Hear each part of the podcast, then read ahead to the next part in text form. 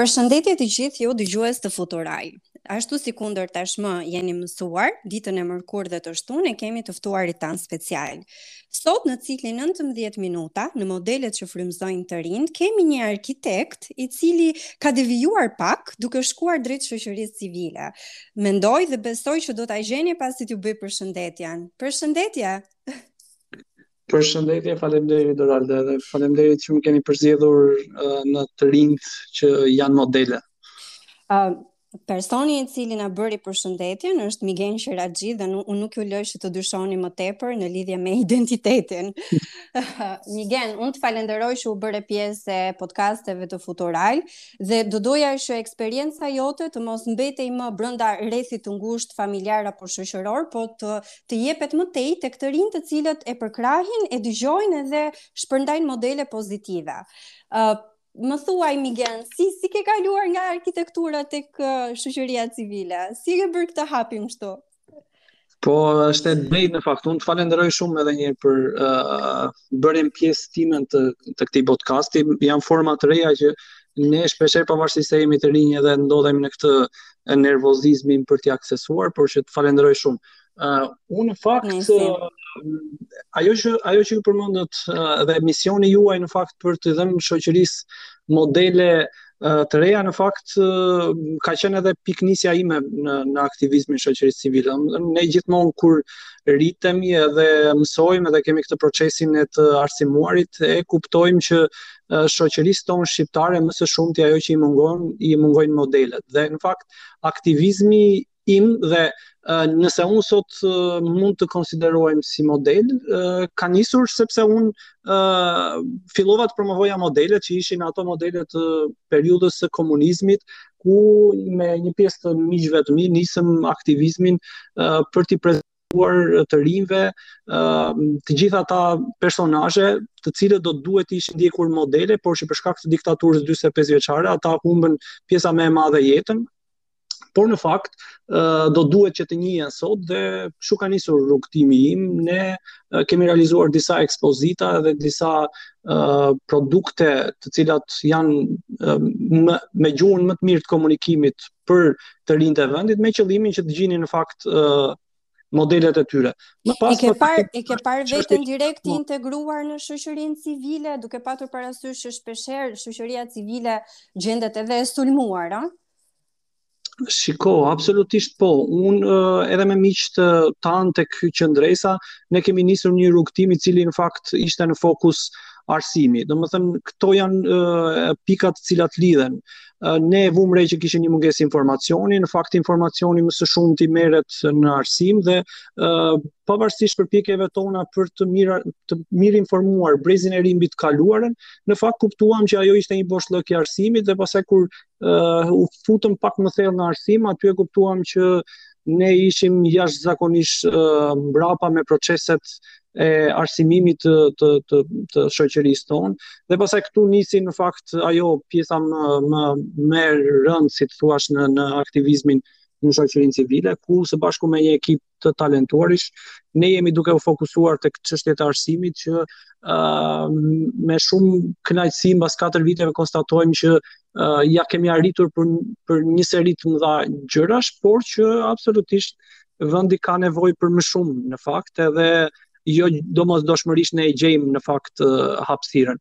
Ka ndonjë projekt që e keni për zemër kur flasim për të rinjtë dhe Qëndresën Qytetare dhe atë që ju doni që të bëni për të për të rritur ndërgjegjësimin, për të rritur aktivizmin, gjithëpërfshirjen. Ka diçka specifike që ju e mbani të veçuar nga nga aktivitetet e tjera, pra diçka që i keni gati të rinjtë, jeni gati për të kontribuar? Po unë tek Qëndresa në fakt kam dy dashuri të mia. Është periudha mbi diktaturën dhe komunizmin ku jo vetëm me Qëndresën kam punuar, por edhe me aktorë të tjerë të shoqërisë civile, si Instituti i Studimeve Politike ose BEA, Ëh dhe sërisht e kam sjell këtë frymë edhe tek ekipi i Qëndresës, ku më së shumti e e, e lëvrojmë tashmë. Ndërkohë që një pjesë tjetër që un kam shumë dashuri është çështja e aksionit kreativ, edhe për shkak të formimit tim bazë në në disa aspekte të kreativitetit edhe të as, aspekteve krijues. Unë, Migen, përpara se se të vazhdosh me këtë pjesë, unë dua që t'ju them dëgjuesve që Migeni nuk do flasë vetëm për punë, do ta ngacmojmë edhe për çështje personale, që mos të na mërziten ndërkohë që dëgjojmë për projekte që gjithsesi janë shumë të rëndësishme dhe që duhet t'i t'i shpërndajmë në në komunitet dhe tek të rinjtë. Po Migen, ndjesë. Po e drejtë, isha duke thënë që çështja e kreativitetit edhe aksioneve kreative në fakt ka filluar që më së shumti t'i angazhoj aktivistët që ne kemi dhe t'i bëj pak këto aksione tona më të përfshira, ku të rinjtë po dhe vetë dhe qytetarët e shohin veten dashur pa dashur nëpërmjet këtyre hapësirave kreative të përfshirë me me me shumë elementë dhe uh, kjo, kjo është një tjetër domethënë aspekt ku unë tek Qëndresa e kam uh, shijuar shumë. Uh, Migen, shkollimi yt është për arkitekturë apo jo? E ke parë po. ndonjëherë të ndërthurur me gjithçka tjetër që ti bën në jetë, pra sa të ndihmon, sa, uh, sa për qind e asaj që ti ke mësuar aty të, të ndihmon që të ndërtosh këto rrugët e tjera të, të jetës? Uh, kjo është një pyetje shumë e bukur edhe shumë pak ma kanë bërë në fakt. Uh, unë në përgjithësi e, e jetoj jetën si si të ndërtoj një ndërtesë, që do të thotë uh, formimi im si arkitekt është pothuajse esenca e qenies time në kuptimin që uh, unë edhe kur ndërtoj një aksion me me ekipin apo kur bëhem pjesë e një brainstormi, tentoj që edhe pavarësisht se duken si pa lidhje edhe një konferencë apo edhe një raport ta ndërtoj me parimet e asaj që ndërtojmë që, që ne ndërtojmë një objekt ashtu siç jemi dijet tona janë kultivuar në në në shkollë ku uh, parimi im është ashtu siç ndërtohet një objekt ku ti duhet të bësh një analizë të sheshit, ne në fakt nuk nuk kur vim në në në organizatë bëjmë një analizë të situatës, pra të gjendjes ekzistuese. Pastaj ndërton katet dhe ti ndërton në fakt strukturën, pastaj në fund t'i jep atë dorën e bukur që e vesh objektin, ndërsa në në shoqëri civile ti fillon edhe bën këto rifiniturat edhe elementët që opinioni publik do duhet t'i përçohen, pra në një farë mënyre formimi im ka definuar në fakt edhe mënyrën se si se si punoj, jo vetëm me organizatën, jo vetëm me shoqërinë civile, por ndonjëherë edhe se si ndërtoj raportet me me me njerëzit. Pra ndonjëherë nuk do të thotë fare se çfarë arsimimi ke për të të shtyrë ty që të marrësh një rrugë tjetër, po përkundrazi, nëse ne dimë çfarë duam, mund ta mund ta bashkojmë me me të gjithën edhe të krijojmë puzzle-in e, e jetës, të profesionit dhe gjithçka tjetër. Po duke qenë se arkitektura qëndron baza jote, unë kam parë që nuk e di se sa lidhet me pikturën, se nuk marr vesh nga arkitektura, po kam vënë re që ti bën edhe piktura, që besoj i ke edhe këto si sëmundje profesionale apo jo. Ja. Po, pastaj domethënë këtu më kanë tek pasionet, domethënë sigurisht. Uh, Pavarësisht këto janë profesione të cilat lidhen me krijimtarinë dhe sigurisht që jo të gjithë pavarësisht dëshirës mund t'ia dalin sepse kërkon edhe disa elemente si talenti të cilat jo domosdoshmërisht janë të rëndësishme, por që në një farë mënyre përcaktojnë edhe suksesin më pas nëse ti e mbështet me një punë të jashtëzakonshme. Ka disa studiues që thonë vërtet talenti është i rëndësishëm, por është 1% në krahasim me punën që që duhet të bësh dhe më pas unë në fakt kam hershëm që i vogël kam pasur dëshirë të pikturoj.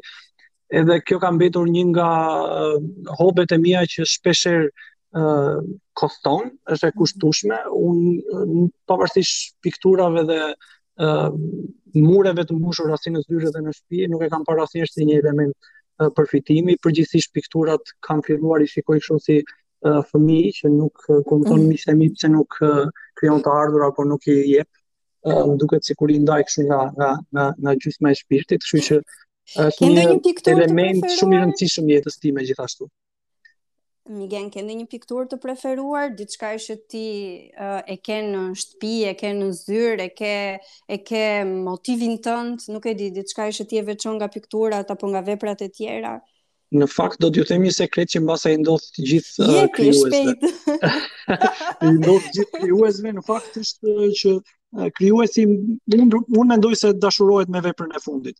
Dhe përgjithësisht mbase nga ngaqë vepra e fundit është ajo si fëmija i vogël ose nëna e, e, i përkushtohet më shumë fëmijës së vogël se ka nevojë të ecë, ka nevojë të të ekspozohet. Edhe piktura domethënë ka nevojë të ekspozohet, ka ndihmë, ka nevojë për ndihmën e e krijuesit që pavarësisht se e nxjerr në dritë dhe e vë në mur, ka nevojë pastaj që të përfitojë pak më shumë vëmendje. Kështu që piktura e fundit përgjithësisht është ajo që merr ë uh, vëmendjen dhe mbetet përkrenarja e Skënderbeut e stilizuar me me gjuhën time të pikturës që është e fundit. Ku mund ta shohin dëgjuesit e Futural në Instagram dhe në Facebookun personal tëndin? Absolutisht po, ose nëse dëshirojnë të pinë një kafe tek zyrat e Qendresës edhe mund ta shikojnë live. Ok, po do vijnë dhe do të kërkojnë që të bëhen vullnetarë. dhe pastaj nuk e di po. nëse do mundesh që ta menaxhosh dot situatën. Po unë unë nuk e ndaj punën nga jeta në fakt, unë e kam jetën punë, kështu që kur hap sytë jam në punë, po edhe jetoj, kështu që nuk ka asnjë problem nëse do bëhen pjesë te Qëndresës ose jo, kështu që bë jam domethënë është mënyra e të jetuarit kështu, kështu që ë uh, nuk rezervoj kohë si thua. Atëherë çfarë e motivon Migenin? ë uh, ab, absolutisht është uh, puna dhe për të bërë punën në mënyrë maksimale. Ndonjëherë tashmë është bërë klishe, ne e shohim edhe nëpër slogane politike, por që Nëse njeri është mësuar që gjatë gjithë kohës të jetë i përkushtuar ndaj uh, objekt jo objektivave në kuptimin specifik, por për të bërë maksimumin në sfidat që ka përpara. Nëse ti je i përqendruar të bësh maksimumin në sfidat që që ke përpara, ndonjëherë gjen veten duke punuar shumë edhe edhe me sa ka edhe kur s'ke punë. Mhm. Se ti gjithmonë gjen diçka për t'u marrë dhe pastaj kur ajo sado e vogël ti do të marrë kualitetin maksimal, ti je gjithmonë gjithmonë i angazhuar dhe kjo është edhe në filozofinë që ne kemi ndërtuar tek Qëndresa që ose në angazhimin tonë që ne bëjmë maksimumin për sfidat uh, që marrin, edhe ndonjëherë jo domosdoshmërisht uh, ke nevojë për atë që njerëzit thonë që ke nevojë duhet të kesh një çik shpresë ose duhet të kesh sa dritë shpresë që ti të punosh mirë. Unë mendoj që uh, ti duhet të bësh maksimumin, duhet të bësh sa sa shpresë apo sa pak shpresë ka në, në horizont. E kuptoj. Uh, Migen, unë në fakt do doja të të pyesja për raportin familjar. Domethënë, është e mirëpritur që një pjesë të kohës tënde ti t'ia dedikosh punës edhe ndoshta duke hequr dorë dhe nga gjëra që do doje të shijoje me, me familjen. Nuk e di, a të ka krijuar ty kjo gjë problem? Si ka, ka një ka një histori të bukur është miti i Sizifit ku ai ngre gurin gjithë kohës dhe nuk e ngjit asnjëherë në majë. Dhe ai kupton që nëse do të jetë i lumtur, duhet të jetë i lumtur gjatë rrugës që për, që që ngre uh, gurin çdo ditë. Edhe në këtë aspekt edhe unë pavarësisht kohës së munguar, unë kam fatin që të punoj në një ambient me bashkëshorten, kështu që uh, është pak e miksuar që nuk mund të them që kam mungesë të familjes se gjatë gjithë kohës, më pas ajo ndahet edhe me djalin e vogël dhe me prindrit. Ë, uh, por që unë tregohem i kujdesshëm t'i kushtoj vëmendjen maksimale edhe duke i bërë, nëse kam shumë punë, bëj dhe ata pjesë të punës që të mos ndahem nga shtëpia. Kjo është po mirë, truku që kam përdorur. Kuriozitetin se shpeshherë ne dimë që kur dy bashkëshortë punojnë bashkë, ka momente që kanë edhe konflikte. Si ia dilni more Migen? Na thuaj, si ia dilni mbanë?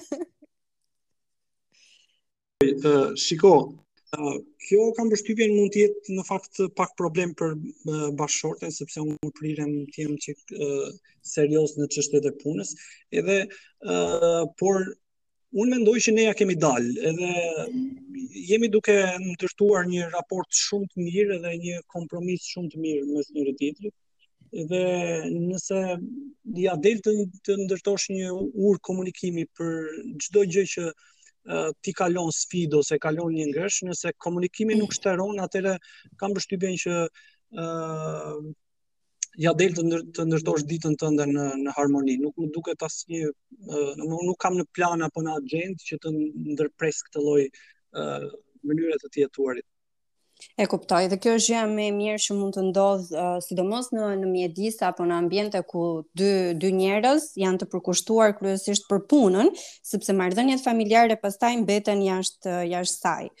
Um, Migen, ti edhe unë jemi nga Pogradeci dhe uh, e duam shumë atë qytet dhe e shohim pjesën pozitive dhe negative të tij në në çdo hap të jetës tonë se fundi aty jemi lindur edhe kemi marrë një formim të caktuar. Por a ke ti një mesazh për të rinjtë që na dëgjojnë edhe që shpeshherë kur shikojnë Migenin thonë, "Ok, edhe unë mund t'ia dal mbanë." A ke ti një mesazh për ata, një një moto tënde që uh, ndoshta është edhe si si një model për për ata.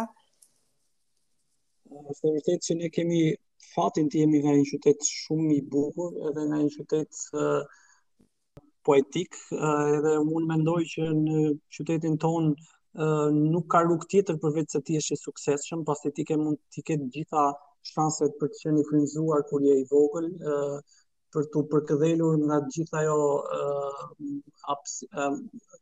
environment apo ambient i këndshëm uh, që të ofron ai ai qytet dhe në fakt uh, ata të cilët ia kanë dalë të jenë më të suksesshëm se ne dhe sigurisht që unë jam rritur me me suksesin e Lasgushit apo e gjithë piktorëve uh, të qytetit tim dhe pastaj ti e shikon veten edhe bësh edhe ti në një farë mënyre ndjekës i një rruge që mund të të çojë drejt suksesit. Kështu që absolutisht të rinjtë e qytetit tonë nëse përkushtohen ndaj dijes, nëse përkushtohen ndaj të lexuarit, unë nuk shoh asnjë arsye për të ndjekur agjenda të tjera për t'ia dalë, sepse në shoqërinë tonë ndonjëherë shpesh ngatërrohen këto aspektet e të qenurit i fortë, të qenurit i egër apo të qenurit një praktikues i rrugëve që jo, janë ekstra ligjore për të qenë i suksesshëm, por që uh, unë mendoj që nëse ia dalin të lexojnë edhe të shikojnë gjithë trashëgiminë që vjen dhe buron nga ai qytet, unë mendoj që nuk ka asnjë dyshim që do jenë të suksesshëm. Edhe unë mendoj që ky mesazh nuk mbetet vetëm tek të rinjtë që ne përmendëm, po është kryesisht një mesazh që ju shkon të gjithë të rinjve që pavarësisht uh, vendit se ku ndodhen, uh, hapësira që krijojnë në mendjen e tyre i bën ata që të të jenë të suksesshëm edhe të shohin përtej limiteve. Migen, po gjëra të çmendura a bën ti? Se boll serioz të njohëm, a, a ke bërë ndonjë gjë që të, të bën për të qeshur, kur e kujton? Po, në në trajnimet që ne realizojmë në fakt, pavarësisht se gjuha jonë ndonjëherë është kështu, ne kemi për shkak të punës tonë është arrestuar dikush apo për shkak të punës tonë është bërë një gjë më e madhe, ne gjithmonë përpiqemi të ta shijojmë edhe të have fun, pavarësisht sa dram, sa në, në sa drama kalojmë, kështu që uh, pavarësisht kësaj zymtësisë dhe artikulimit të problemeve në shoqëri civile apo në media apo në publik, uh, ne gjithkohës me ekipin jemi duke u argëtuar, mbledhjet tona janë uh, të jashtëzakonshme nëse do i do i ndiqnit ose do i ndanim së brendshmi, uh, shpesh herë edhe kërcejmë në ambientet tona. uh, organizojmë aktivitete pa fund me ekipin, por nuk dua të flas shumë për këtë se pastaj do do do do, do na paragjykojnë edhe do na thon nuk qenkan aq seriozë sa duhet, kështu që ë mos më ngacmo më shumë se duhet. jo, kjo nuk ishte të ngacmoja më tepër se ç'duhet, po të japim mesazhin që përveç uh, një strukture që ne kemi në jetë, ne bëjmë edhe gjëra të cilat na na kënaqin edhe na bëjnë që të ta shijojmë punën, miqësinë edhe gjithçka tjetër që krijohet në në raportet tona jetësore. Migen, ke ndonjë hobi? Uh, un kam disa hobi përveç uh, ele, përveç pikturës në fakt. Uh, kam edhe një hobi tjetër që sërish të hobet në fakt janë të mira për të zënë kohën, po ndonjëherë janë çik problematike për kostot dhe mm -hmm. një mhm. një hobi m'i paske me shpenzime. Unë kam një koleksion prej 300 monedhash në 120 vende të botës. Mm -hmm. uh, dhe herë pas herë merrem me të, punoj, pastroj monedhat. Si i ke siguruar? Uh, Domethënë është është e lehtë ta bësh këtë këtë punë, se unë e quaj punë, kërkon kohë edhe Besoj edhe shpenzim apo jo? Po, nëse, nëse ti e ke pjesë të pasionit, se jashtmi duket punë, po në fakt unë e quaj kështu, uh, jashtëzakonisht një kohë fluide, ku ti nuk e kupton që kalon, apo nuk e kupton që, uh, që merresh, kështu që uh, pavarësisht se në fakt në, në hapësirën tonë dhe në shoqërinë tonë, hobet përgjithësisht ndrydhen dhe nuk, uh, nuk janë gjëja që do duhet të ishin për të rinjtë edhe për shkak të mungesave të hapësirave qoftë sportive, qoftë kreative, ku të rinjtë dikush unë për shembull e dashuroj shumë pianon, por e kam pasur gjithmonë problem ta blej piano sepse në shtëpi më shikonin pak kështu si si si si i një planeti tjetër që ç'do ky ky djalë ç'do Migeni me piano. Apo piano në shtëpi ne gjithë kemi një tendencë tjetër, kështu që këto lloj këto lloj pengesash unë jam i sigurt që i hasin shumë të rinj në, në vendin tonë dhe kjo është një element që duhet ta ndreqim në fakt dhe duhet punojmë gjithë që të japim kohë dhe hapësirë dhe për t'u rritur edhe në mënyrë të shëndetshme nga ana mendore është e jashtëzakonshme të pasurit të një hobi ku ti uh, ke mundësi që të mos kalosh asnjë stres apo tension apo presion uh, psikologjik në jetën tënde, pasi ke ku të përplasesh. E kuptoj, po pse pse të ka orientuar ty ky lloj hobi në, në një drejtim ndryshe nga nga të rinjtë e tjerë apo ka diçka që të lidh me me hobin? Uh, po absolut unë në fakt uh, pak jam pak jam ulur ta ta ta kuptoj se ç, uh, se ç'dua tek piktura, se ç'dua tek, tek monedha, po monedha, po. tek uh, dëshira për të prekur ato tastet e pianos, por uh, gjithsesi uh, unë mendoj që ka një proces uh, që lidhet me me të lexuarin mbase ose me të kuptuarit e se cilët janë heronjtë e tu ose cilët janë ato uh, që drejtojnë. Për shembull, unë gjithmonë për shkak edhe të formimit kam pasur një afeksion pas uh, Leonardo da Vinci-t, edhe kur fillon edhe lexon që Leonardo da Vinci ishte edhe inxhinier, edhe piktor, edhe uh, filozof, edhe ti fillon edhe mendon që ok, unë kam një profesion, por ja që ia dalke të bëke dhe diçka tjetër edhe nuk është aq që uh, e e jashtëzakonshme apo nuk është aq e stërmundimshme uh, për t'u fokusuar në disa gjëra, jo vetëm Do t'i shohim diku të ekspozuara pikturat apo monedhat, pra do mundemi ne ta shohim Migenin ndryshe më gjerësisht, domethënë jo përte, përtej këtij podcasti edhe marrëdhënieve që ti krijon me, me, me rrethin e ngushtë të njerëzve. Më ke goditur në plagë. Ha, më thuaj. Lufta ime është të arrij të krijoj aq të ardhura sa të paktën të kem t'i ekspozoj në shtëpi. sepse shpesh herë nuk gjej as hapësirë në në në ambientet e shtëpisë, sepse mm -hmm. ju mund ta kuptoni që të mbajturit një mon, të mbajturit një koleksion të madh monedash, pikturash, një kambalec me hapësirën për boja, sigurisht që kërkon metra katrorë dhe është i tmerrshëm për uh, vetëm për të futur kokën, jo më për të për hapësirat e pasioneve. Ndërsa sa i përket ekspozitës e kam menduar shpesh, uh, por jemi jam në luftë me kohën. Jam gjithkohë si angazhuar me uh, aspekte të tjera dhe me sfida që do duhet t'i jap zgjidhje, por që mendoj që do gjej një hapësirë kohe, do gjej një moment të, të mirë për mua dhe për miqtë e mi, të cilët do duhet të më ndihmojnë, pasi është një gjë që s'mund t'ia dalësh dot vetë, që të kem mundësi t'i ekspozoj, po do ishte fantastike, do ishte shumë bukur. Edhe ne do ishim shumë kuriozë që ta ta shikonim atë ekspozitën me piktura apo qoftë edhe monedha të të ekspozuara diku sepse është një model ndryshe. Pra ti edhe vetë e the që të të promovojmë modele që janë ndryshe dhe që kanë përmbajtje. Është e rëndësishme që çdo gjë që ne bëjmë në jetë të ketë një kuptim. Dhe kuptimi pastaj me vjen me kohën edhe forcohet me kapacitet tona. Migen, unë e shijova shumë intervistën në fakt, besoj uh, do do do ta shijojnë edhe do marrin pjesët më të mira të asaj që ti ke thënë edhe dëgjuesit e Futural.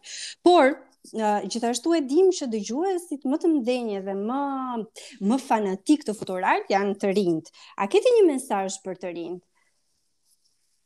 Uh, sigurisht po, uh, unë në fakt mesazhi im është që ata të duken, Uh, ne në fakt kishim edhe sloganin e fundit mos rri po duku, po mm -hmm. për, për të votuar, por gjithsesi uh, zgjedhjet kaluan dhe uh, the game it's not over, uh, të rinjtë janë pjesa më e mirë që do duhet që të jenë aktive dhe të bëjnë presion, absolutisht të mos ndrydhen në këto guaskat ku prindërit përgjithsisht i japin një detyrë në jetë fëmijës, vetëm mëso, edhe shko në shkollë edhe mos mos i hidh sytë anash.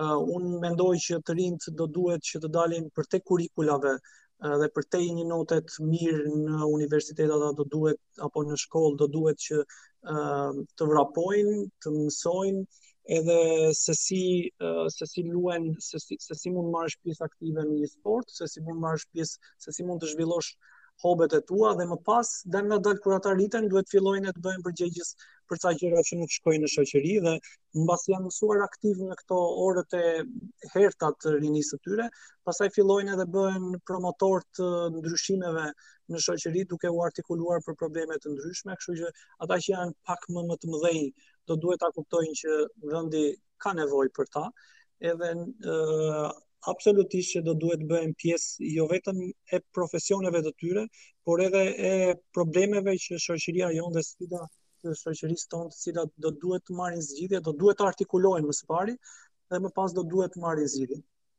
Migen, unë të falenderoj shumë për gjithçka biseduam dhe sidomos për mesazhin e fundit, për ne ishte një kënaqësi që të kishim në podcast. Shumë faleminderit, më dhe një mundësi që të flas përtej problemeve, sepse unë jam mësuar gjithmonë të artikuloj problematika me, me publikun, por që ishte shumë e këndshme të ndaja dhe disa aspekte të jetës sime personale. Faleminderit. Shumë faleminderit.